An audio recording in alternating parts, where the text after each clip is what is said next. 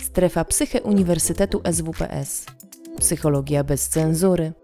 Więcej merytorycznej wiedzy psychologicznej znajdziesz na psycheswps.pl oraz w kanałach naszego projektu na YouTube i Spotify.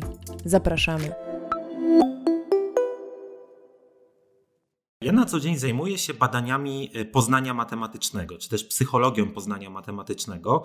Mówiąc najprościej, zajmuję się tym, w jaki sposób nasze mózgi, nasze umysły e, przetwarzają liczby, przetwarzają e, geometrię. I o tym chciałbym Państwu e, opowiedzieć. A przy okazji sądzę i mam nadzieję, że uda mi się to Państwu pokazać, mianowicie, że poznanie matematyczne, badania nad psychologią matematyki to jest dobry pretekst do tego, aby opowiedzieć o tym, na ile nasz umysł jest e, ucieleśniony. Dzisiaj to stwierdzenie, że nasz mózg, nasz umysł jest ucieleśniony, mózg jest bowiem częścią ciała, nasze procesy poznawcze nie są oderwane od naszej cielesności, naszej aktywności w środowisku, to stwierdzenie wydaje się być banałem, wydaje się być truizmem.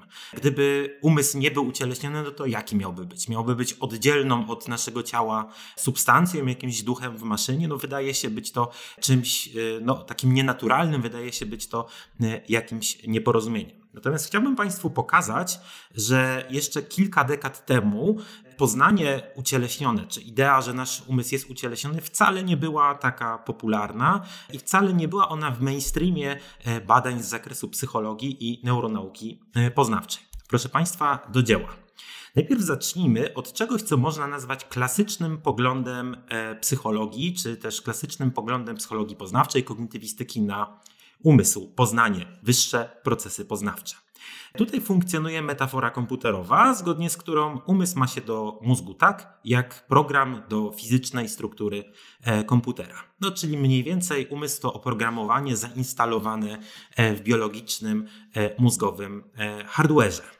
Ta koncepcja ma pewne implikacje i jeśli wejdziemy w jej szczegóły, to pojawia się taka kolejna metafora, metafora zgodnie z którą jeśli chcemy zrozumieć, na czym polega przetwarzanie informacji i e, rola przetwarzania informacji, rola przetwarzania poznawczego w naszym inteligentnym zachowaniu, e, to powinniśmy przyjrzeć się na nasz e, mózg trochę jak na kanapkę. Brzmi to może dość zabawnie, natomiast ta metafora e, całkiem dobrze oddaje pogląd wielu psychologów poznawczych i kognitywistów gdzieś do, e, no, do późnych nawet lat 80. Pomysł jest taki, że kiedy mm, ja coś postrzegam, to znaczy e, kiedy rejestruję coś przy pomocy narządów moich zmysłów, wzroku, słuchu i tak wówczas te informacje analogowe trafiają do mojego aparatu poznawczego, trafiają do i mózg przekodowywuje je na coś na kształt języka programowania. Niektórzy mówili nawet o tak zwanym e, języku e, myśli.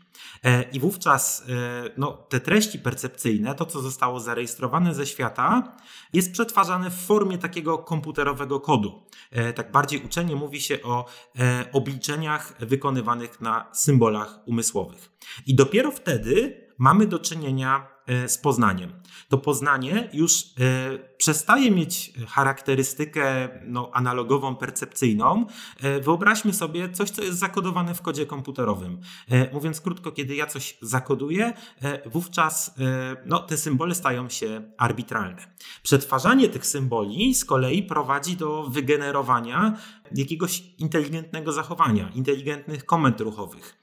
No i wówczas te symbole e, przetworzone na język komputerowy mogą być e, triggerami dla naszych komend motorycznych. Ale tutaj znowu, to, że ja się poruszam, nawet to, że coś mówię, to już nie jest element poznania. Mówiąc krótko, motoryka jest oderwana.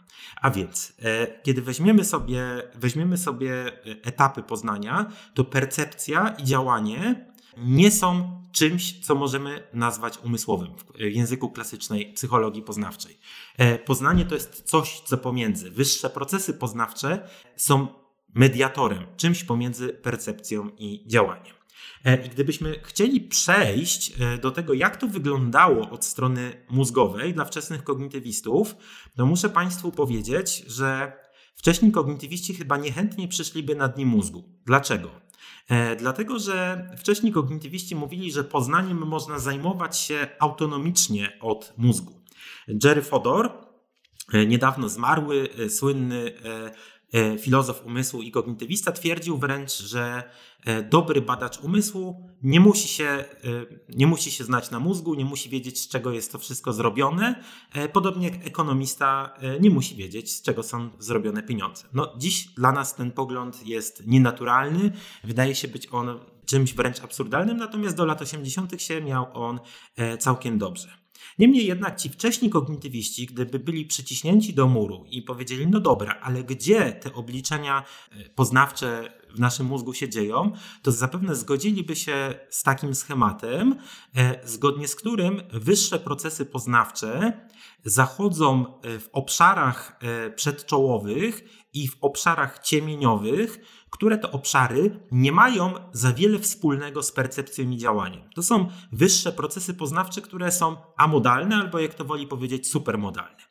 Zapewne zgodziliby się oni z tym, że e, to przetwarzanie jest wspomagane, modulowane przez e, e, obszary podkorowe, obszary zaangażowane w nasze emocje, motywacje czy po prostu funkcje życiowe. Natomiast, no, jak widzicie, Państwo nie zaznaczyliśmy tutaj na przykład choćby kory wzrokowej, nie zaznaczyliśmy tutaj też struktur ruchowych. Dlatego, że twierdzili oni, że struktury wzrokowe, czy w ogóle struktury percepcyjne dostarczają naszemu mózgowi tylko i wyłącznie inputu, natomiast obszary ruchowe są tylko i wyłącznie e, outputem. Wszystko, co nazywamy poznawczym, e, w szczególności przetwarzanie pojęć, czyli cegiełek naszej wiedzy, e, to jest coś, co dzieje się pomiędzy percepcją i działaniem. Ten pogląd e, zaczął się chwiać gdzieś w latach 80. E, no, pod wpływem zarówno danych empirycznych, jak i pewnych argumentów teoretycznych, którymi no, nie chcę Państwa zanudzać. Natomiast coraz szerzej upowszechniające się gdzieś od połowy lat 80. metody obrazowania, później one się rozpowszechniły w latach 90. obrazowania mózgu zaczęły pokazywać, no, że myśląc o czymś, przetwarzając pojęcia, obserwuje się również aktywację struktur e, motorycznych i struktur percepcyjnych. I stąd e, zaczęto twierdzić, że nasze pojęcia są ugruntowane nie tylko e, w aktywności struktur amodalnych czy też supermodalnych, ale także struktur zaangażowanych w pierwszej kolejności, w pierwszym rzędzie w percepcję i działanie. E, I to doprowadziło do upowszechnienia, a można wręcz nawet odrodzenia idei ucieleśnionego poznania, ucieleśnionego um umysłu, czy też ucieleśnionego mózgu. E, mówi się o tym różnie. Mówię odrodzenie, dlatego że źródła tej koncepcji można znaleźć wśród e, filozofujących psychologów, bądź też psychologów o prowiniencji filozoficznej, jeszcze z pierwszej połowy XX wieku, takich jak Maurice Merleau-Ponty, który jako jeden z pierwszych e, wskazywał na ucieleśnienie poznania. Na czym ta koncepcja polega? Otóż e, pomysł jest taki, że to nie jest tak, że to, co nazywamy poznawczym, to jest coś, co jest oderwane od naszej cielesności, oderwane od naszej motoryki. E, to nie jest coś, co jest jakimś abstrakcyjnym, komputerowym kodem. Zamiast tego możemy roboczo zdefiniować ucieleśnienie w ten sposób. Nasze umysły są ucieleśnione, to znaczy poznanie jest ograniczane, a zarazem gruntowane przez nasze ciała, które są konkretne, wchodzą w interakcję z innymi konkretnymi ciałami i działają w konkretnym środowisku. E, nasze działanie w środowisku, motoryka, postrzeganie, nasza aktywność ruchowa jest nieodłącznym elementem naszego poznania. To nie jest tylko i wyłącznie jakiś input i output. Struktury sensoryczno-motoryczne naszych mózgów są głęboko zaangażowane w kodowanie pojęć, w przetwarzanie pojęć. E, przykład. Jeśli myślę o moim kocie, e, albo w jakimś zadaniu e, poznawczym wymusi się na mnie przetwarzanie pojęcia kod, to nie jest tak, że odpalany jest jakiś e, komputerowo wyglądający e, symbol w moim mózgu, który byłby zupełnie oderwany od modalności. Mówiąc krótko, jakaś, jakaś sieć własności typu kot równa się zwierzę, równa się ssak, który ma cztery łapy, miałczy i należy do rodziny kotowatych tylko zamiast tego reaktywowany jest ucieleśniony symbol. E, ucieleśniony to znaczy taki, e, w którym jakby reaktywowane są moje interakcje sensoryczno-motoryczne z moim kotem, a więc ten sygnał, ten symbol jest rozproszony, zapisany, jest rozproszonym zapisem w moich strukturach percepcyjnych, motorycznych. Mówiąc krótko, nawet kiedy nie mam kota przed oczami, mój mózg odtwarza, odzwierciedla rzeczywistą, fizyczną, ucieleśnioną reakcję z konkretnym egzemplarzem, czyli z moim kotem. No, ta koncepcja jest dość intuicyjna, e, koncepcja ucieleśnienia. Potwierdzają ją bardzo liczne wyniki badań, i to w zasadzie można powiedzieć, że e, wszystkich możliwych badań, których przy pomocy wszystkich możliwych metod, z których korzysta współczesna psychologia i neuronauka, czyli od eksperymentów behawioralnych po e, neuroobrazowanie, poprzez stymulowanie mózgu i wiele, wiele innych podejść. Ale z tą koncepcją jest jeden poważny problem. Wielu badaczy e, zgadza się z taką tezą. Ja tutaj przytoczę tą tezę ustami Gaja Duwa, takiego e, badacza, który zajmuje się e, badaniami nad abstrakcyjnymi pojęciami. Wielu badaczy zgadza się do, co do tego, że istnieje zgoda co do tego, że w pełni abstrakcyjne pojęcia stanowią szczególne wyzwanie dla ucieleśnionego poznania. Otóż łatwo e, zgodzić się z tezą, że e, jeśli mamy do czynienia z pojęciami typu kot, pies, stół, e, to rzeczywiście nasz mózg odtwarza interakcje z konkretnymi egzemplarzami, ale co z pojęciami takimi jak demokracja, co z pojęciami takimi jak piękno, co z pojęciami takimi jak elektron, atom, teoria naukowa, liczba pierwsza, całka, Riemanna choćby e, i wiele innych pojęć, w szczególności matematycznych. E, I mm, istnieje również zgoda co do tego, e, i tutaj mm, z kolei wykorzystam opinię Martina Fischera, badacza poznania matematycznego z Uniwersytetu w Poczdamie, który mówi, że wiedza o liczbach jest idealnym polem testowania założeń ucieleśnionego poznania. E, I w dalszym ciągu tego dzisiejszego spotkania chciałbym właśnie wykorzystać moją dyscyplinę jako poligon doświadczalny, przyglądnąć się szeregowi badań, e, które no, mają, mam nadzieję, e, wyrobić w Państwu jakąś opinię doty, dotyczącą tego, na ile nasze umysły są ucieleśnione, a na ile być może jest wciąż miejsce na taką stricte komputerową e, metaforę umysłu, która była popularna jeszcze do lat 80. E, proszę Państwa, e, wykorzystajmy najpierw taką teorię, która określona jest jako koncepcja metafor ucieleśnionych. To jest koncepcja zaproponowana przez George'a Lakoffa, koncepcja, zgodnie z którą E, ucieleśnienie pojęć odbywa się przez metafory, przy czym metafory nie są tutaj rozumiane jako narzędzia stylistyczne, które znamy e, z liceum czy, e, czy z jakichś innych etapów edukacji no, z języka polskiego czy z jakichś zajęć filologicznych. Metafory są rozumiane tutaj dość specyficznie jako programy umysłowe, które odwzorowują przedmioty z jednej dziedziny na przedmioty z innej dziedziny. I pomysł jest tutaj taki, że metafora to jest program, dzięki któremu wiedza z domeny abstrakcyjnej może być przetwarzana poprzez swoje ugruntowanie, zakorzenienie w pojęciach konkretnych. E, jak to działa? E, mamy na przykład taką metaforę życie to podróż e, i rozumiemy takie wyrażenia, że szliśmy razem przez całe życie, ponieważ e, abstrakcyjne pojęcie życia, ale nie w sensie biologicznym, tylko przeżywania życia, jest rozumiane w kategoriach podróży. I tutaj nasz mózg reaktywuje, reaktywuje schemat poruszania się. Inny przykład, rozumiemy pojęcie zbioru matematyczne, teorie mnogościowe, e, dlatego że rozumiemy dobrze, czym jest doświadczenie wkładania czegoś do jakiegoś pojemnika. Znamy logikę e, pojemnika w takim sensie, że, nie możemy, że jakiś przedmiot nie może być naraz w jednym pojemniku e, i nie może być na zewnątrz tego pojemnika. Czy też rozumiemy, czym jest takie wyrażenie typu e, on zbudował swoją teorię, e, ze względu na to, że teoria naukowa rozumiana jest jako e, budowla.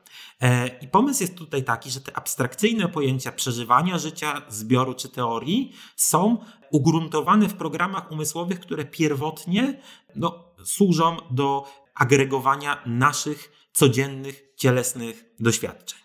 Tutaj pomysł jest taki, że metafory nie są tworami czysto językowymi, są raczej narzędziami poznawczymi czy strukturami poznawczymi, które są w jakiś sposób, to jest jeden z problemów tej teorii, że nie do końca wiadomo jak, zainstalowane w naszych mózgach i wtórnie odbijają się w języku przez to, że odbijają się w języku, my możemy je e, modyfikować. Natomiast one mają charakter, e, one mają charakter przedjęzykowy i mogą funkcjonować poza językiem, o czym świadczy to, że często nie zdajemy sobie nawet sprawy z tego, że mówimy w sposób metaforyczny. E, tą koncepcję metafor George Lakoff wspólnie z Rafaelem Nunezem zastosowali do wyjaśniania pojęć matematycznych. Zagadka bowiem jest taka, jak to jest możliwe, że w ucieleśniony sposób przetwarzamy pojęcia matematyczne, skoro przecież matematyka to domena myślenia abstrakcyjnego. Wydaje się co jak co, ale matematyka to twór umysłu, który jest tworem odcieleśnionym. E, nie będę wchodził w mechanikę tej teorii. E, zostawię tutaj Państwa tylko i wyłącznie e, no, z taką obietnicą autorów, którą oni najpełniej wyrazili w takiej swojej książce Where Mathematics Come From, czyli skąd pochodzi, skąd bierze się matematyka, skąd wzięła się matematyka. Bardzo grubej książce, w której dość szczegółowy sposób opisują oni metaforyczne ugruntowanie wielu działów matematyki, od teorii mnogości arytmetyki przez algebrę, e, przez podstawy rachunku całkowego i różniczkowego, aż po zagadnienia związane z nieskończonością, e, no i próbują z tego wyciągać pewne e, wręcz filozoficzne wnioski.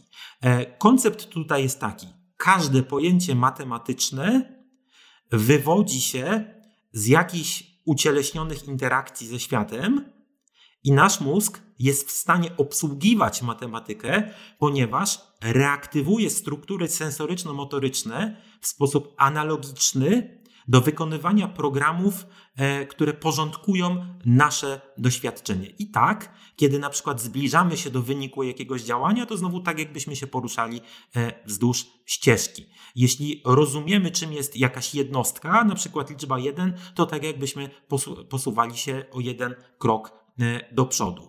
Pomysł jest taki. W naszym mózgu nie ma żadnych specjalnych struktur, e, które są zaangażowane w poznanie matematyczne. Zamiast tego e, kulturowa matematyka jest nadbudowana, no bo jest ona przecież tworem kulturowym, jest ona nadbudowana na właśnie naszej cielesności. I tutaj w takiej warstwie filozoficznej ta koncepcja miałaby nam odpowiadać na pytanie, bardzo ważne pytanie, jeśli matematyka nie jest czymś, e, no powiedzmy, nie z tego świata, to jak to jest możliwe, że wszyscy ludzie mają e, dość jednakowe intuicje matematyczne? To wcale nie jest tak, że wszyscy ludzie na całym świecie mają jednakowe intuicje matematyczne, natomiast co do zasady, wszyscy ludzie są w stanie nauczyć się pewnej elementarnej matematyki i odpowiedź, dlaczego jest to możliwe, według Lejkofa i Nuneza e, miałaby być no, udzielona przez to, że wszyscy mamy jednakowe ciała, w miarę jednakowe ciała, przy pomocy których wchodzimy w pewien ograniczony zbiór możliwych interakcji z naszym e, światem. No, ta koncepcja poznania matematycznego ucieleśnionego, e, która została najpełniej wyrażona właśnie przez Lejkofa i Nuneza w taki najbardziej systematyczny sposób, no i kiedy czytamy tę książkę bardzo inspirujący i przekonujący, no, zyskała, no, doczekała się niestety dość silnej krytyki i moim osobistym zdaniem ona jest bardzo trudna do utrzymania. E, ta krytyka no, pochodzi naprawdę z wielu źródeł. E, na przykład profesor Pogonowski z Uniwersytetu Adama Mickiewicza w Poznaniu wylicza e, bardzo liczne problemy historyczne, filozoficzne, a także błędy matematyczne w konceptualizacji matematycznej, którą potwierdza, którą, które wykazują autorzy. Wreszcie szereg autorów, choćby Murphy, wskazuje, że myślenie, że przy pomocy analizy języka i naszych wyrażeń językowych, naszego użycia językowego, jesteśmy w stanie dociekać, e, jak funkcjonują mechanizmy poznawcze, no jest czymś po prostu kompletnie niewiarygodnym. E, I jeśli tak, no to poleganie na czysto lingwistycznych danych po to, żeby zrozumieć, jak funkcjonuje nasz mózg no, w dobie neuronauki, nie jest no, czymś adekwatnym. Jeśli chodzi o adekwatność, wskazuje się również, że ta teoria jest niezgodna z ustaleniami psychologii rozwojowej, albowiem pojęcia abstrakcyjne miałyby być zawsze poprzedzane przez opanowanie przez dzieci pojęć konkretnych, e, a więc metafora byłaby tutaj podstawowym mechanizmem rozumienia tego wszystkiego, e, podczas gdy no, dzieci uczą się metafor stosunkowo późno. A badania rozwojowe wskazują, że pewne pojęcia abstrakcyjne dzieci rozumieją wcześniej niż metafory. Więc mówiąc krótko, to nie działa. Wreszcie istnieją pewne no, takie argumenty e, krytyczne, jeśli chodzi o samą metodologię wyjaśniania. Otóż my byśmy chcieli mieć dzisiaj dość precyzyjne mechanizmy, jak wszystko funkcjonuje w mózgu, natomiast teoria metafor no, jest dość intuicyjna i na poziomie intuicyjnym jest przemawiająca, natomiast nie ma szczegółowego mechanizmu, jak te metafory by mogły działać. Wreszcie ta teoria ma dość słabe predykcje neuronaukowe i taką najprostszą predykcją neuronaukową mogłoby być to, że ilekroć przetwarzamy pojęcie abstrakcyjne, tylekroć powinniśmy obserwować systematyczne aktywacje sensoryczno-motoryczne w naszym mózgu, czyli na przykład, kiedy będziemy badać przy pomocy funkcjonalnego obrazowania rezonansem magnetycznym przetwarzanie pojęć matematycznych albo jakichkolwiek innych pojęć abstrakcyjnych, powinniśmy systematycznie widzieć takie aktywacje mózgowe. E, tak nie jest. Czasami obserwuje się takie aktywacje, czasami nie. Natomiast nawet wtedy, kiedy je się obserwuje, to część badaczy, takich jak e, Chaterier e, czy Karamatsa, e, wskazuje, że nie zawsze możemy wykazać ich przyczynową rolę w przetwarzaniu pojęć abstrakcyjnych. Natomiast teoria metafor chciałaby, czy teoria metafor zakłada, że właśnie obszary sensoryczno-motoryczne, jako te, które są no, najściślej związany z naszymi interakcjami ze światem, miałby mieć przyczynową rolę e, w przetwarzaniu pojęć e, abstrakcyjnych.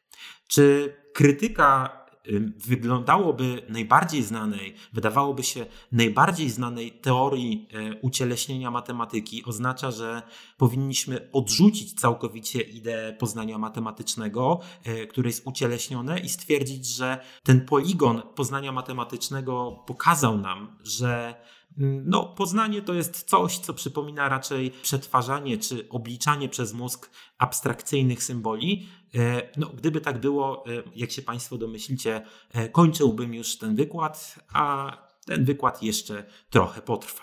Z pewnością krytyka koncepcji Lejkowa i Nuneza nie oznacza, że powinniśmy całkowicie odrzucić ucieleśnienie, no i świadczą o tym dziesiątki, setki, tysiące artykułów, które pokazują się, e, które ukazują się w dobrych czasopismach naukowych z zakresu neuronauki, psychologii, kognitywistyki każdego roku. I to artykułów, które opisują e, systematyczne badania prowadzone przy pomocy różnych paradygmatów na różnych populacjach przy pomocy różnych metod. Wydaje się, że najsilniejsze wsparcie dla koncepcji ucieleśnionego poznania matematycznego związany jest z badaniami nad tak zwanymi umysłowymi czy też mentalnymi osiami liczbowymi. Idea jest taka. No, wszyscy wiemy ze szkoły dobrze, że y, no, liczby można reprezentować na osi liczbowej w taki sposób, że y, małe liczby będą bardziej po lewej stronie, natomiast liczby większe będą po y, stronie prawej. E, pytanie jest takie, czy to jest tylko i wyłącznie wyuczona konwencja, czy my mamy raczej jakąś predyspozycję e, do rozumienia liczb w sposób przestrzenny, rozmieszczania ich na kontinuum, które jest metaforycznie, możemy powiedzieć, jest rozciągnięte od lewej strony naszego ciała do prawej strony, i w związku z tym ta symboliczna konwencja, którą uczymy się na lekcjach matematyki, to przychodzi do nas w taki bardzo naturalny sposób. Mówiąc krótko, no, nie jest to wymuszenie czegoś na naszym umyśle, ale raczej ten wynalazek kulturowy odzwierciedla jakieś nasze tendencje, wrodzone tendencje. Wielu badaczy e, argumentuje, właśnie za opcją, zgodnie z którą my mamy ucieleśnioną reprezentację liczby, która to reprezentacja liczby ma charakter przestrzenny. My rozumiemy abstrakcyjne symbole numeryczne jako coś, co rozmieszczone jest jako obiekty, które rozmieszczone są w przestrzeni e, i mają charakter uporządkowany. No właśnie od lewej strony małe liczby do prawej strony liczby większe.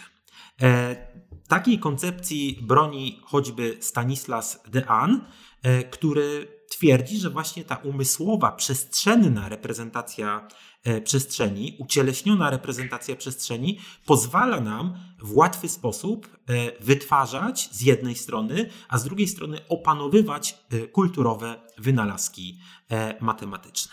No dobrze, ale jakie mamy dowody empiryczne na rzecz tego, że na poziomie naszego mózgu, na poziomie naszego umysłu istnieje ucieleśniona reprezentacja liczb właśnie w formie przestrzennej e, od lewej e, do prawej. No tutaj jednym z takich najsłynniejszym, a, najsłynniejszych, a zarazem bardzo silnym paradygmatem badawczym, bardzo silnym w takim sensie, że no, ten paradygmat działa naprawdę w wielu populacjach. Przeprowadzono tysiące badań, w których efekt, o którym Państwu zaraz opowiem, zachodzi. E, I to przeprowadzono te badania nie tylko e, z reakcjami przy pomocy rąk, ale też nóg, e, ruchów sakadowych i wielu obserwacji ruchów sakadowych i wielu innych, i wielu innych typów reakcji. E, wyobraźmy sobie proste zadanie. E, podejmując, e, wyobraźmy sobie proste zadanie, że na ekranie będą pojawiać się kolejne cyfry, kolejne cyfry. Państwa zadaniem będzie decydowanie przy pomocy przycisku jednego albo drugiego, lewą ręką albo prawą ręką, czy liczba jest parzysta, czy nieparzysta. W tym sensie, że jeśli jest parzysta, to proszę nacisnąć prawy przycisk, a jeśli nieparzysta, to lewą ręką, to, to na, na, należy drugą ręką przycisnąć. E, proszę zauważyć, to zadanie nie polega na określaniu wielkości liczb. To mm, zadanie dotyczy, e, dotyczy pewnej własności liczb, parzystości, ale nie związanej bezpośrednio, nie związanej bezpośrednio z wielkością tej liczby.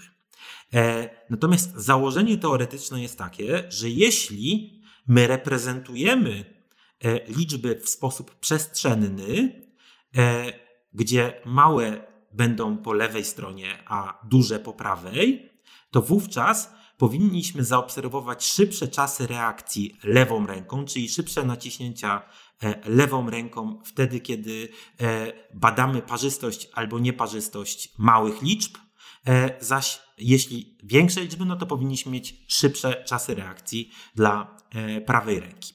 I w latach 90. Dean, Bossini i Giraud e, zaobserwowali efekt, efekt, który nazwany jest efektem SNARK, to jest od Spatial Numerical Associations of Response Codes. Po polsku to jest zależność przestrzenna pomiędzy liczbą a rodzajem odpowiedzi. I efekt ten polega na tym, że podejmując decyzje dotyczące liczb, Osoby badane reagują szybciej na liczby względnie, o względnie małej wartości po lewej stronie ciała, podczas gdy na liczby o względnie dużej wartości po prawej stronie ciała. No tutaj mówię o stronie ciała, e, a nie o ręce, dlatego że tak jak wcześniej wspomniałem, e, mimochodem e, ten efekt można zaobserwować nie tylko w reakcjach rękami. To jest rzeczywiście bardzo silny efekt, który można łatwo zaobserwować. Sam go widziałem, sam, sam uzyskałem ten efekt w kilku, w kilku badaniach i on jest replikowany, powtarzany na całym świecie setki, jak nie tysiące razy rocznie. E, teraz pytanie jest takie. Skąd bierze się kierunek tej osi liczbowej? Czyli mówiąc krótko, dlaczego szybsze czasy reakcji lewą ręką dla małych liczb, a dla dużych liczb prawą ręką, a nie odwrotnie? No, to zastanawiało e, odkrywców tego efektu. E, oni spekulowali, mieli na to pewne dane empiryczne, zgodnie z którymi kierunek czytania jest tutaj kluczowy. To znaczy, dlatego orientacja osi liczbowej jest od lewej do prawej, a nie od prawej do lewej, że osoby badane czytają właśnie od lewej e, do prawej. E, ta hipoteza, ta hipoteza kulturowego ugruntowania e, została potwierdzona w późniejszych badaniach samego Szakiego i współpracowników, badaniach międzykulturowych, gdzie zaobserwowano efekt snark u Kanadyjczyków, którzy czytają od lewej do prawej strony. E, odwrócony efekt snark z kolei zaobserwowano u e, Palestyńczyków, a więc reagowali oni szybciej na duże liczby przy pomocy lewej ręki, a na e, małe liczby przy pomocy ręki prawej, a więc mamy tutaj odwrotność. Jeszcze uzyskano ciekawy dowód w postaci braku efektu snark u Żydów. Otóż e, w populacji e, osób badanych w Izraelu, e, gdzie, gdzie pracuje zresztą sam Szaki, nie zaobserwowano efektu snark. Dlaczego? Dlatego, że w hebrajskim tekst czytamy od prawej do lewej, natomiast liczby piszemy od lewej do prawej. I tutaj efekt się, efekt się znosi. A więc widzimy, że ten efekt jest zakorzeniony kulturowo. Natomiast proszę zauważyć, to kierunek osi liczbowej jest zmienny kulturowo. Natomiast nasza tendencja, jak twierdzą zwolennicy ucieleśnionego poznania, nasza tendencja do tego, żeby wykorzystywać przestrzeń do umysłowego podpinania sobie e, pod nią liczb, jest czymś uniwersalnym. Mówiąc krótko, liczby to obiekty abstrakcyjne i żeby sobie z nimi poradzić, nasz umysł wykorzystuje tutaj coś, no, z czym musimy sobie w naszych ucieleśnionych interakcjach e, radzić na co dzień. Coś, co, e, co jest naszym, no, mówiąc krótko, czymś, w czym jesteśmy zanurzeni, a tym czymś jest przestrzeń. Efekt snark dość szybko został uznany za jeden z dowodów czy argumentów na rzecz naszego ucieleśnienia, jeśli chodzi o poznanie matematyczne. I tutaj Wsparły tą tezę e, o ucieleśnieniu efektu snark e, badania Martina Fischera, nieco późniejsze, zgodnie z którymi kierunek osi liczbowej jest wcześniejszy nawet niż nasze nawyki czytania. Mówiąc krótko, nasze nawyki sensoryczno-motoryczne, albo nawet tylko i wyłącznie motoryczne, są czynnikiem, który kształtuje nasze powiązania, e, powiązania liczb i przestrzeni w naszych umysłach, a więc przestrzenny sposób przetwarzania liczb przez nasz mózg. Martin Fischer badał nawyki liczenia na palcach. No, zanim o tym opowiem, no to zróbmy sobie taki no, prosty e, eksperyment. Mam prośbę, żeby każda osoba policzyła, e, no, policzyła na palcach. Rzeczywiście proszę to zrobić. Ja też to robię. Ja liczę w taki sposób. Okay? Ja liczę od lewej ręki e, i kiedy dochodzę do e, pięciu, to zmieniam rękę e, i używam znowu kciuka kolejnej ręki. Czyli jestem osobą lewostartującą, wykorzystuję do tego obydwie dłonie. Fischer odkrył związek siły efektu snark, w ogóle występowania efektu snark ze startowaniem liczenia na palcach. Osoby, które startują od lewej ręki. Ja jestem przedstawicielem, ale nie znaczy to, że większość Polaków liczy od lewej ręki. Co ciekawe, są tutaj e, pewne różnice kulturowe.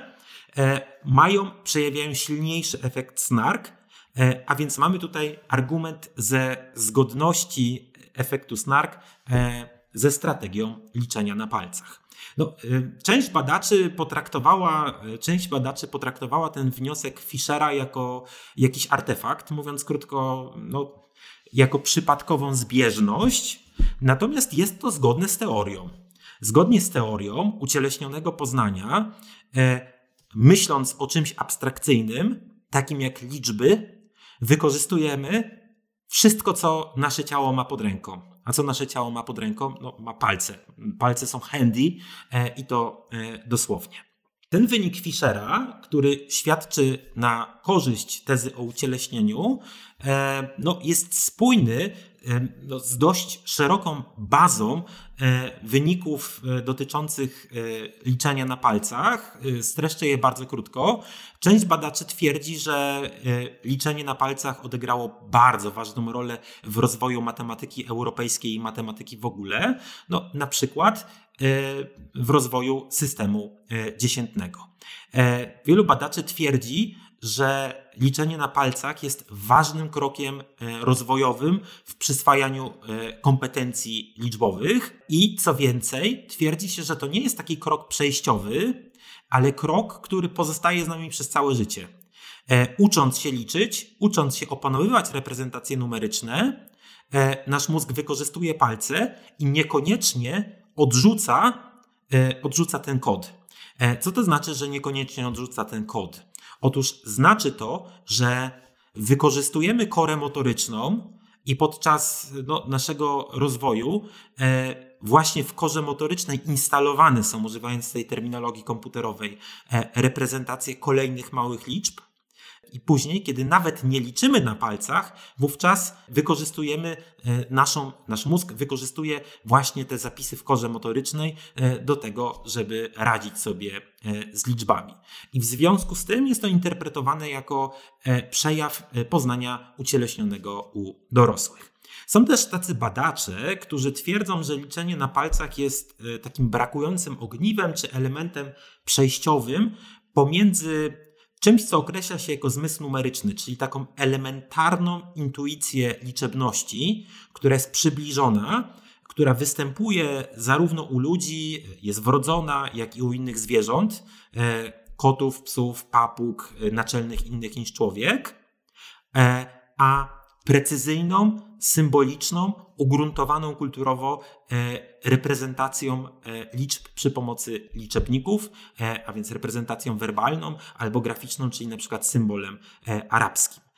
Pomysł jest taki, że palce są czymś pomiędzy i to zarówno w kontekście, w kontekście wyjaśniania, jak i w kontekście nabywania pewnych czynności.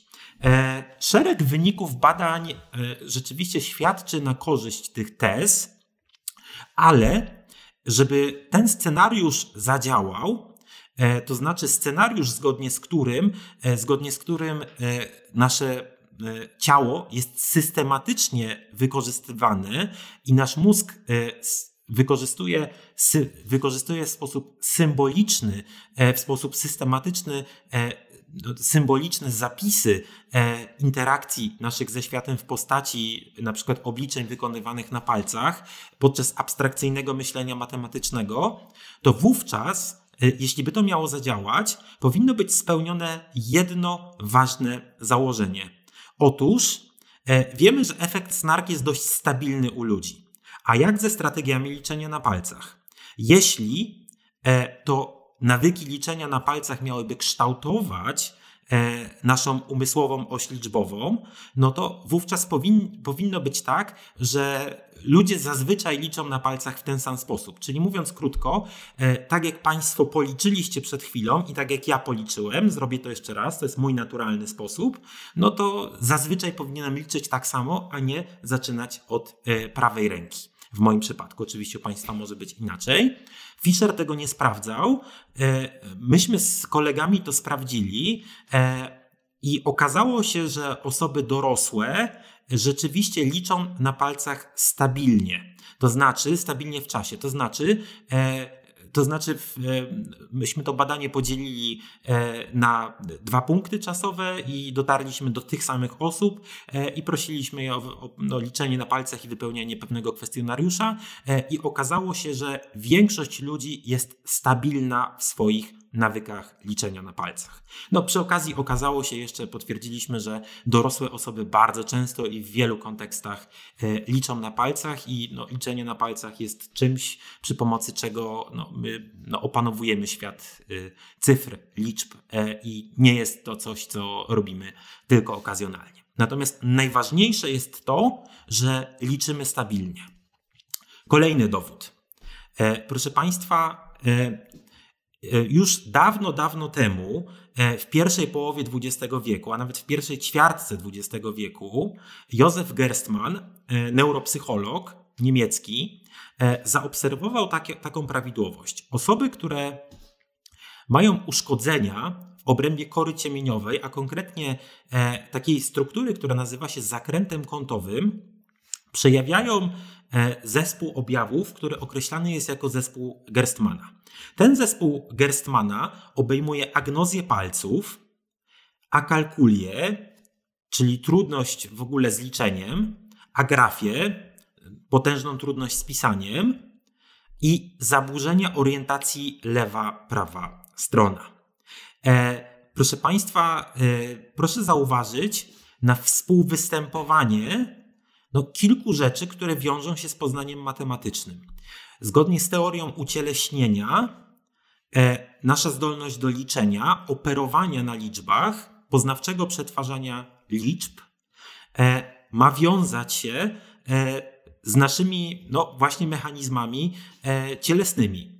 E, proszę zauważyć z kolei, że w zespole Gerstmana mamy do czynienia ze współwystępowaniem akalkuli, i agnozji palców i orientacji stronnej.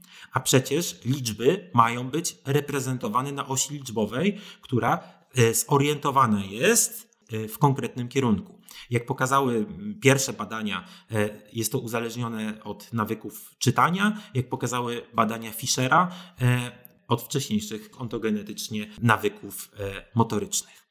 E, więc zespół Gerstmana dostarczył pewnej, e, pewnego argumentu na rzecz powiązania właśnie czegoś tak prostego jak e, liczenie na palcach no, z, z bardziej złożonymi zdolnościami matematycznymi. Ale jedna ważna uwaga, jedna ważna anomalia. Otóż teoria ucieleśnionego poznania zakłada, że reprezentacje liczb, przetwarzanie numeryczne, przetwarzanie matematyczne powinno być ugruntowane w percepcji i działaniu, a więc w obszarach naszych mózgów, które zaangażowane są e, widzenie, słyszenie, motorykę. Podczas gdy e, angular gyrus, czyli zakręt kątowy, e, ta struktura, gdzie przy uszkodzeniu mechanicznym, na przykład w wyniku jakiegoś wypadku obserwuje się zespół Gerstmana, jest strukturą amodalną jest obszarem asocjacyjnym. I to takim obszarem asocjacyjnym, e, który zgodnie e, z wcześniejszymi teoriami kognitywistycznymi, wcześniejszymi niż ucieleśnione poznanie, zakłada, że to właśnie tam zachodzi oddzielenie e, takiego kodu percepcyjnego, czy raczej wydestylowanie tego cyfrowego kodu, cyfrowych obliczeń, no, które już nie mają nic wspólnego z percepcją i działaniem. Także jak widzicie Państwo, e, badania e, nad pacjentami mogą nam dostarczyć no, argumentów, które wcale nie są takie konkluzywne, jeśli chodzi o teorię ucieleśnionego poznania. Natomiast jeśli chodzi o samą zdolność do liczenia na palcach, to często mówi się o tak zwanej gnozji palców. Gnozja palców to jest zdolność do nazywania palców, jestem w stanie nazwać, to jest palec wskazujący, oraz określenia, który palec jest w danym momencie stymulowany. Czyli nie patrzę, jeśli ktoś z Państwa dotknąłby mnie tutaj, no to ja jestem w stanie powiedzieć bez patrzenia, że jest to e, mały palec. E, czym jest gnozja palców? Od strony teoretycznej jest wskaźnikiem sprawności działania reprezentacji palców w korze e, motorycznej. E, możemy mieć pewną taką predykcję, możemy założyć, że jeśli nasza gnozja palców miałaby coś wspólnego z poznaniem matematycznym, czy ucieleśnieniem poznania matematycznego, to wówczas powinniśmy powiedzieć tak. Im sprawniejsza ta gnozja palców, tym lepsze zdolności matematyczne. Dlaczego? Dlatego, że tym precyzyjniejsza reprezentacja palców w korze motorycznej, która miałaby odgrywać znaczenie dla naszych e, procesów e, poznawczych. E, I proszę Państwa, okazuje się, że jest coś na rzeczy. Mianowicie gnozja palców jest dość dobrym predyktorem osiągnięć matematycznych u dzieci. To znaczy, im lepsza gnozja palców, tym lepsze osiągnięcia e, matematyczne. Co ciekawe, treningi gnozji palców, to znaczy trenowanie w rozpoznawaniu palców, nazywania palców e, u e, dzieci zagrożonych dyskalkulią rozwojową albo wręcz z diagnozą dyskalkulii rozwojowej, mogą przekładać się na poprawę osiągnięć matematycznych. To zdecydowanie punkt na korzyść teorii ucieleśnionego poznania. Dlaczego? Otóż pomysł jest taki. Do sprawności matematycznej potrzebna jest e, sprawna reprezentacja e, e, umysłowa i mózgowa liczb w korze motorycznej. Jeśli im sprawniejsza gnozja palców, tym sprawniejsza, tym sprawniejsza ta reprezentacja. Trening poprawiać ma właśnie tą reprezentację.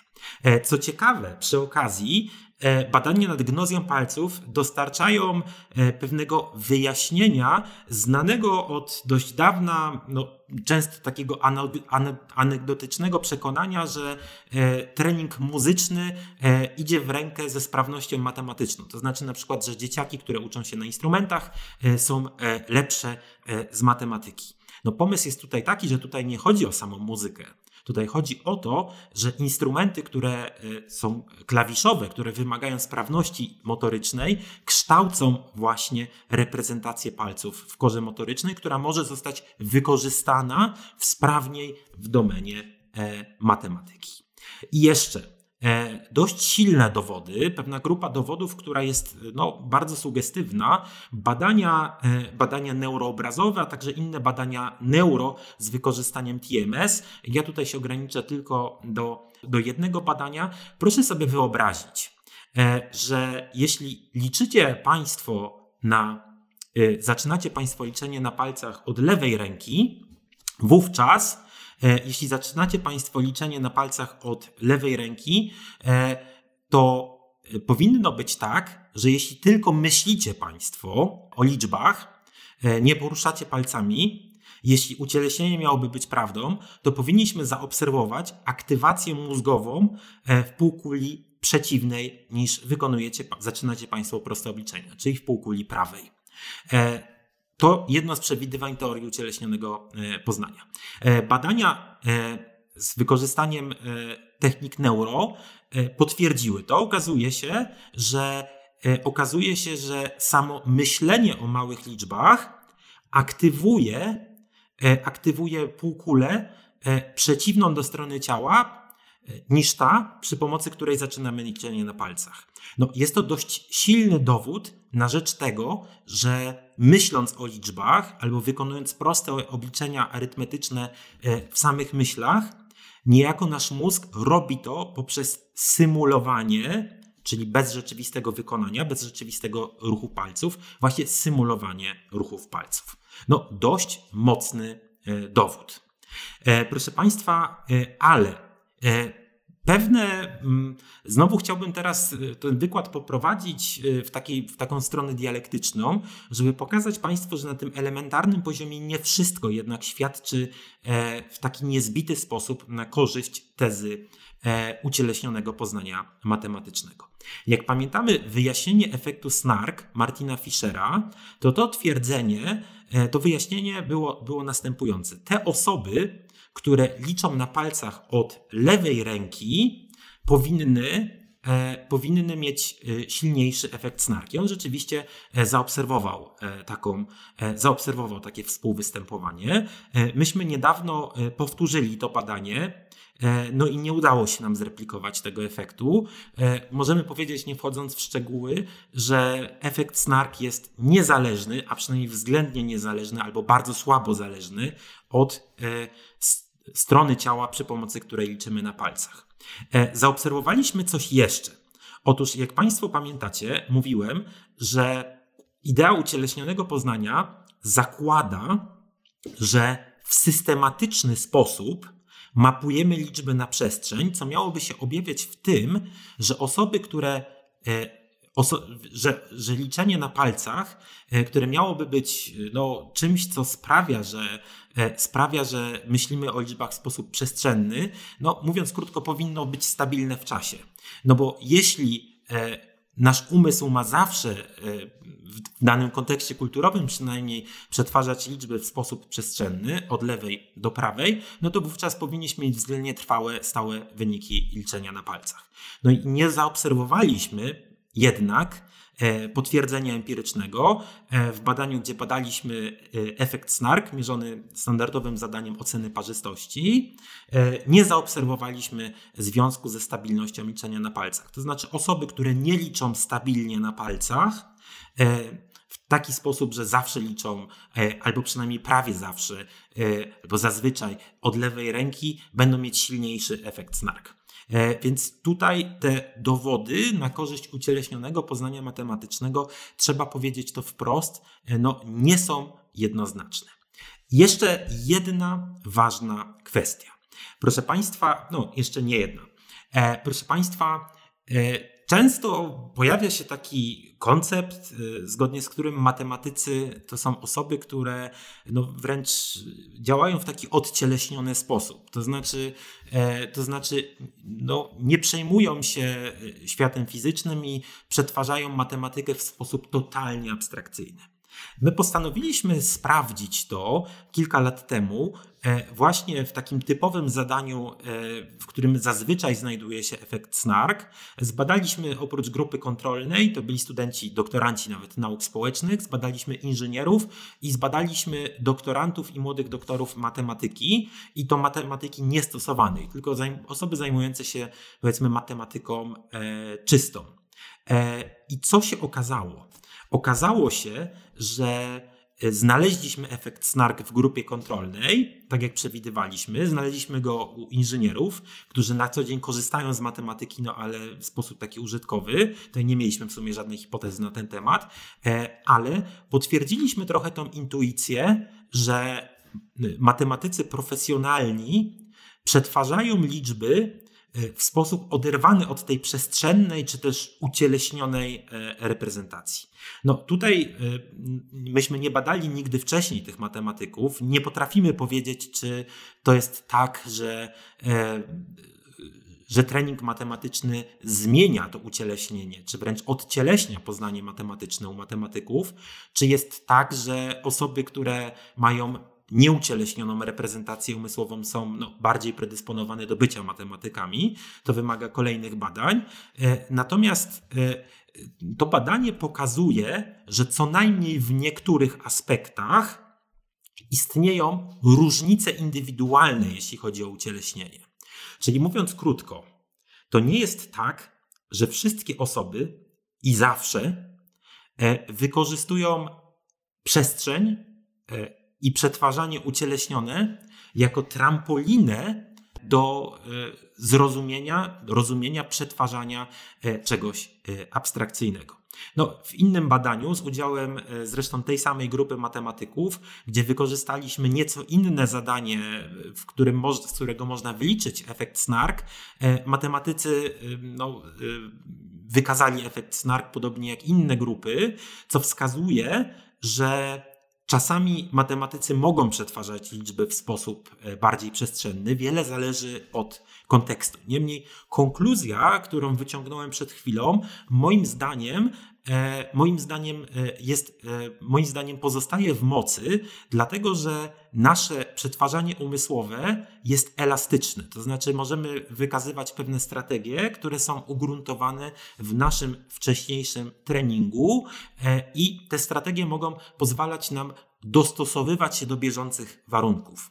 Być może jest więc tak, że przestrzeń, ucieleśnienie jest rzeczywiście bazą do uczenia się matematyki e, i pozostaje czymś, co e, u osób dorosłych y, no, jest podstawową strategią radzenia sobie z liczbami, o czym miałoby świadczyć choćby to, że osoby dorosłe często liczą na palcach, czy że osoby dorosłe liczą na palcach y, no, w sposób w miarę systematyczny e, i że pojawiają się te aktywacje mózgowe, które są w badaniach neuroobrazowych e, rejestrowane. Natomiast e, istnieje pewna elastyczność, która zależna jest od pewnego poziomu zanurzenia czy pewnej ekspertywności matematycznej. E, I ta konkluzja wspierana jest przez badania neuroobrazowe, badania przeprowadzone niedawno przez, e, e, kilka lat temu już przez, przez Marii Amalrik i Stanislasa Deana, które wskazują, że przetwarzając złożone problemy matematyczne, to było takie zadanie z weryfikacją prawdziwości e, zdań, które wymagają no, potężnej, potężnej ekspertywności matematycznej.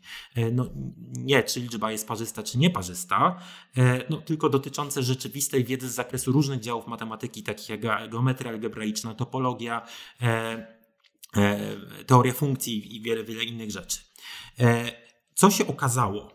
Okazało się, że okazało się, że u matematyków podczas rozwiązywania tych problemów e, szczególną aktywność e, wykazują struktury mózgowe, e, co do których powiedzielibyśmy, że są strukturami amodalnymi. E, to są struktury śródciemieniowe. Jak pamiętamy, zakręt kątowy, w przypadku którego obserwujemy zespół, w przypadku uszkodzenia, którego obserwujemy e, zespół Gerstmana, no, jest właśnie elementem, elementem kory ciemieniowej, ale również struktury przedczołowe, grzbietowe, grzbietowo-boczne struktury przedczołowe, co do których wcześniej kognitywiści uważali, tego zaczęliśmy nasze spotkanie, e, że są to struktury zaangażowane przede wszystkim w przetwarzanie nieucieleśnione, ale w przetwarzanie amodalne. A więc w przypadku matematyków to ucieleśnienie no może albo zanikać wraz z treningiem, tutaj dalsze badania są konieczne, albo być może e, jakieś różnice indywidualne sprawiają, że matematycy mają większą łatwość, czy wręcz możliwe jest dla nich e, opanowanie, e, opanowanie wiedzy i umiejętności, które nazwijmy to nie są dostępne dla zwykłych, e, które nie są dostępne dla zwykłych śmiertelników. Chcę Państwu powiedzieć, że ucieleśnienie to nie jest coś, co działa na prostej zasadzie wszystko albo nic. Jeśli powiemy, że badania nad poznaniem matematycznym czy psychologia poznania matematycznego jest takim e, polem wiedzy, które jest tym poligonem do testowania, na ile jesteśmy ucieleśnieni, no to nie dostajemy tutaj takich jednoznacznych konkluzji, tak albo nie. Dostajemy za to e, bardzo złożony obraz, e, który jednakowoż powinniśmy jakoś uporządkować na potrzeby tego wykładu. I na koniec chciałbym to zrobić, żeby nie pozostawiać z Państwa z konkluzją, że trochę jest ucieleśniona matematyka, natomiast trochę nie jest na przykład w przypadku matematyków. E, otóż e, ograniczmy się na razie do samego efektu snark, jak pamiętamy, e, przynajmniej w naszej kulturze, gdzie czytamy od lewej do prawej, szybsze czasy reakcji, jeśli, e, jeśli oceniamy jakąś własność liczb, e, szybsze czasy reakcji lewą ręką, jeśli oceniamy jakąś własność liczb i obserwujemy aktualnie małą liczbę, szybsze czasy reakcji prawą ręką, jeśli oceniamy liczbę większą, czy liczby większe. Otóż efekt snark no, trudno jest go wyjaśnić, odwołując się do jednego czynnika. Mówiąc krótko, zawsze pozostaje wiele niewyjaśnionej wariancji i stąd ten efekt jest no, wciąż badany i jest takim e, jednym z najczęściej w ogóle badanych e, w psychologii e, eksperymentalnej e, efektów. E, niedawno e, moi współpracownicy, profesor Krzysztof Cipora z Loughborough, był tutaj pierwszym autorem, zaproponowali taki model, w którym ocenili wkład wielu czynników w kształtowanie efektu snark. E, ekspertywność jest jednym z tych czynników. Czy możemy się zatem spodziewać, że skoro matematycy mają, e, nie mają, czy nie wykazują efektu snark, a wykazują lepszą matematykę, to czy podobnie będzie u dzieci? To znaczy, czy dzieci, które będą mieć słabszy efekt snark, będą przejawiać lepsze zdolności matematyczne? Okazuje się, że nie. Pomysł jest taki. E, wręcz jest odwrotnie. Im lepsza matematyka u dzieci, tym silniejszy efekt snark. Pomysł jest, pomysł jest taki, że gdybyśmy chcieli, że gdybyśmy chcieli ocenić wkład ucieleśnienia w nasze przetwarzanie matematyczne, w poznanie matematyczne, to powinniśmy przyglądać się całej trajektorii rozwojowej czy też ontogenetycznej tego poznania matematycznego. I powinniśmy się przyglądać różnym komponentom. Wyobraźmy sobie e, na razie, wyobraźmy sobie e, na razie no, małe dzieci. Nie będziemy wchodzić tutaj w szczegóły rozwojowe, chociaż rzeczywiście no, dokonuje tutaj potężnej idealizacji, bowiem poznanie e, matematyczne przechodzi szereg, szereg przekształceń na różnych stadiach rozwojowych. Otóż Mamy pewne komponenty. Mamy predyspozycję do przetwarzania ucieleśnionego, czyli tego, żeby wykorzystywać y, nasze ciało i struktury sensoryczno-motoryczne e, do opanowywania wiedzy abstrakcyjnej. Mamy pewien elementarny zasób wiedzy o świecie, który można nazwać wrodzonym. O tym mówią różne teorie z zakresu psychologii ewolucyjnej, e, albo tak zwana teoria systemów rdzennych, która no, jest jedną z powszechniej akceptowanych na gruncie psychologii rozwojowej. To jest teoria, zgodnie z którą my mamy choćby pewną intuicję liczebności albo pewną intuicję przestrzeni, która jest no, czymś, co pozwala nam się z jednej strony odnajdywać e, w środowisku, a z drugiej strony jest czymś, co pozwala nam uczyć się bardziej skomplikowanych rzeczy. No i wreszcie mamy oczywiście ogólne procesy poznawcze typu pamięć i uwaga. E, na tych wczesnych etapach ontogenezy e, ucieleśnienie jest niezwykle ważne, dlatego że my nie wyewoluowaliśmy do radzenia sobie z wiedzą abstrakcyjną. Ale żyjemy w świecie, w który jest pełen wiedzy abstrakcyjnej i to nie tylko w zakresie poznania matematycznego, ale także e, no, w sytuacjach społecznych. Mówiąc krótko, nasza kultura sprzyja abstrakcji. Aby wejść w ten świat abstrakcyjny, wykorzystujemy rzeczywiście mechanizmy ucieleśnione. I tutaj może funkcjonować jakaś forma e, metafor poznawczych, choć zapewne w nie tak prostej i skrytykowanej wersji, jaką przedstawiłem na początku tego wykładu, ale rzeczywiście e, pewne abstrakcyjne formy wiedzy mogą być mapowane na struktury sensoryczno-motoryczne i te struktury sensoryczno-motoryczne mogą być przyczynowo zaangażowane e, w to przetwarzanie. Ale raz ustanowiona wiedza, dobrze wyuczona wiedza, która ma charakter ucieleśniony, może być czymś, można tak powiedzieć, upraszczając dość mocno, poznawczo szkodliwym. To znaczy, ciało, ucieleśnienie z jednej strony umożliwia nam wejście w ten świat abstrakcyjny, ale kiedy już się w nim znajdziemy, e, to ucieleśnienie jest barierą, jest przeszkodą, jest czymś, co przeszkadza. Proszę Państwa, w zadaniu oceny parzystości, e, żeby powiedzieć, czy liczba jest parzysta, czy nieparzysta, no to e, można w idealnej sytuacji e, należałoby wykorzystać po prostu swoją wiedzę na temat liczb. Po co angażować aktywacje ucieleśnione związane z rozumieniem przestrzeni lewej i prawej strony? Matematycy tego nie robią. Oni po prostu wydobywają odpowiednie fragmenty wiedzy matematycznej. Podobnie e, w badaniach neuroobrazowych Stanislasa Deana, może jeszcze raz do nich na sekundkę e, wróćmy, e, matematycy nie wykorzystują struktur sensoryczno-motorycznych, aby rozwiązywać te problemy.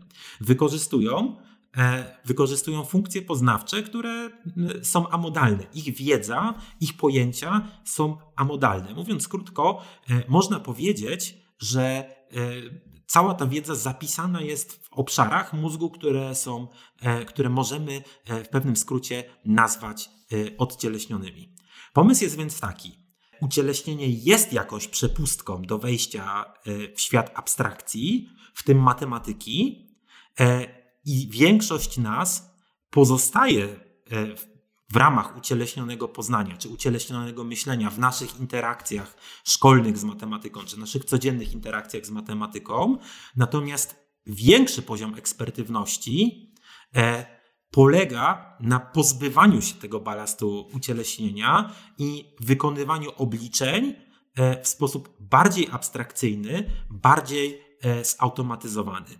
Czy to znaczy, że ucieleśnienie jest czymś e, szkodliwym summa summarum? Z pewnością ucieleśnienie nie jest czymś szkodliwym.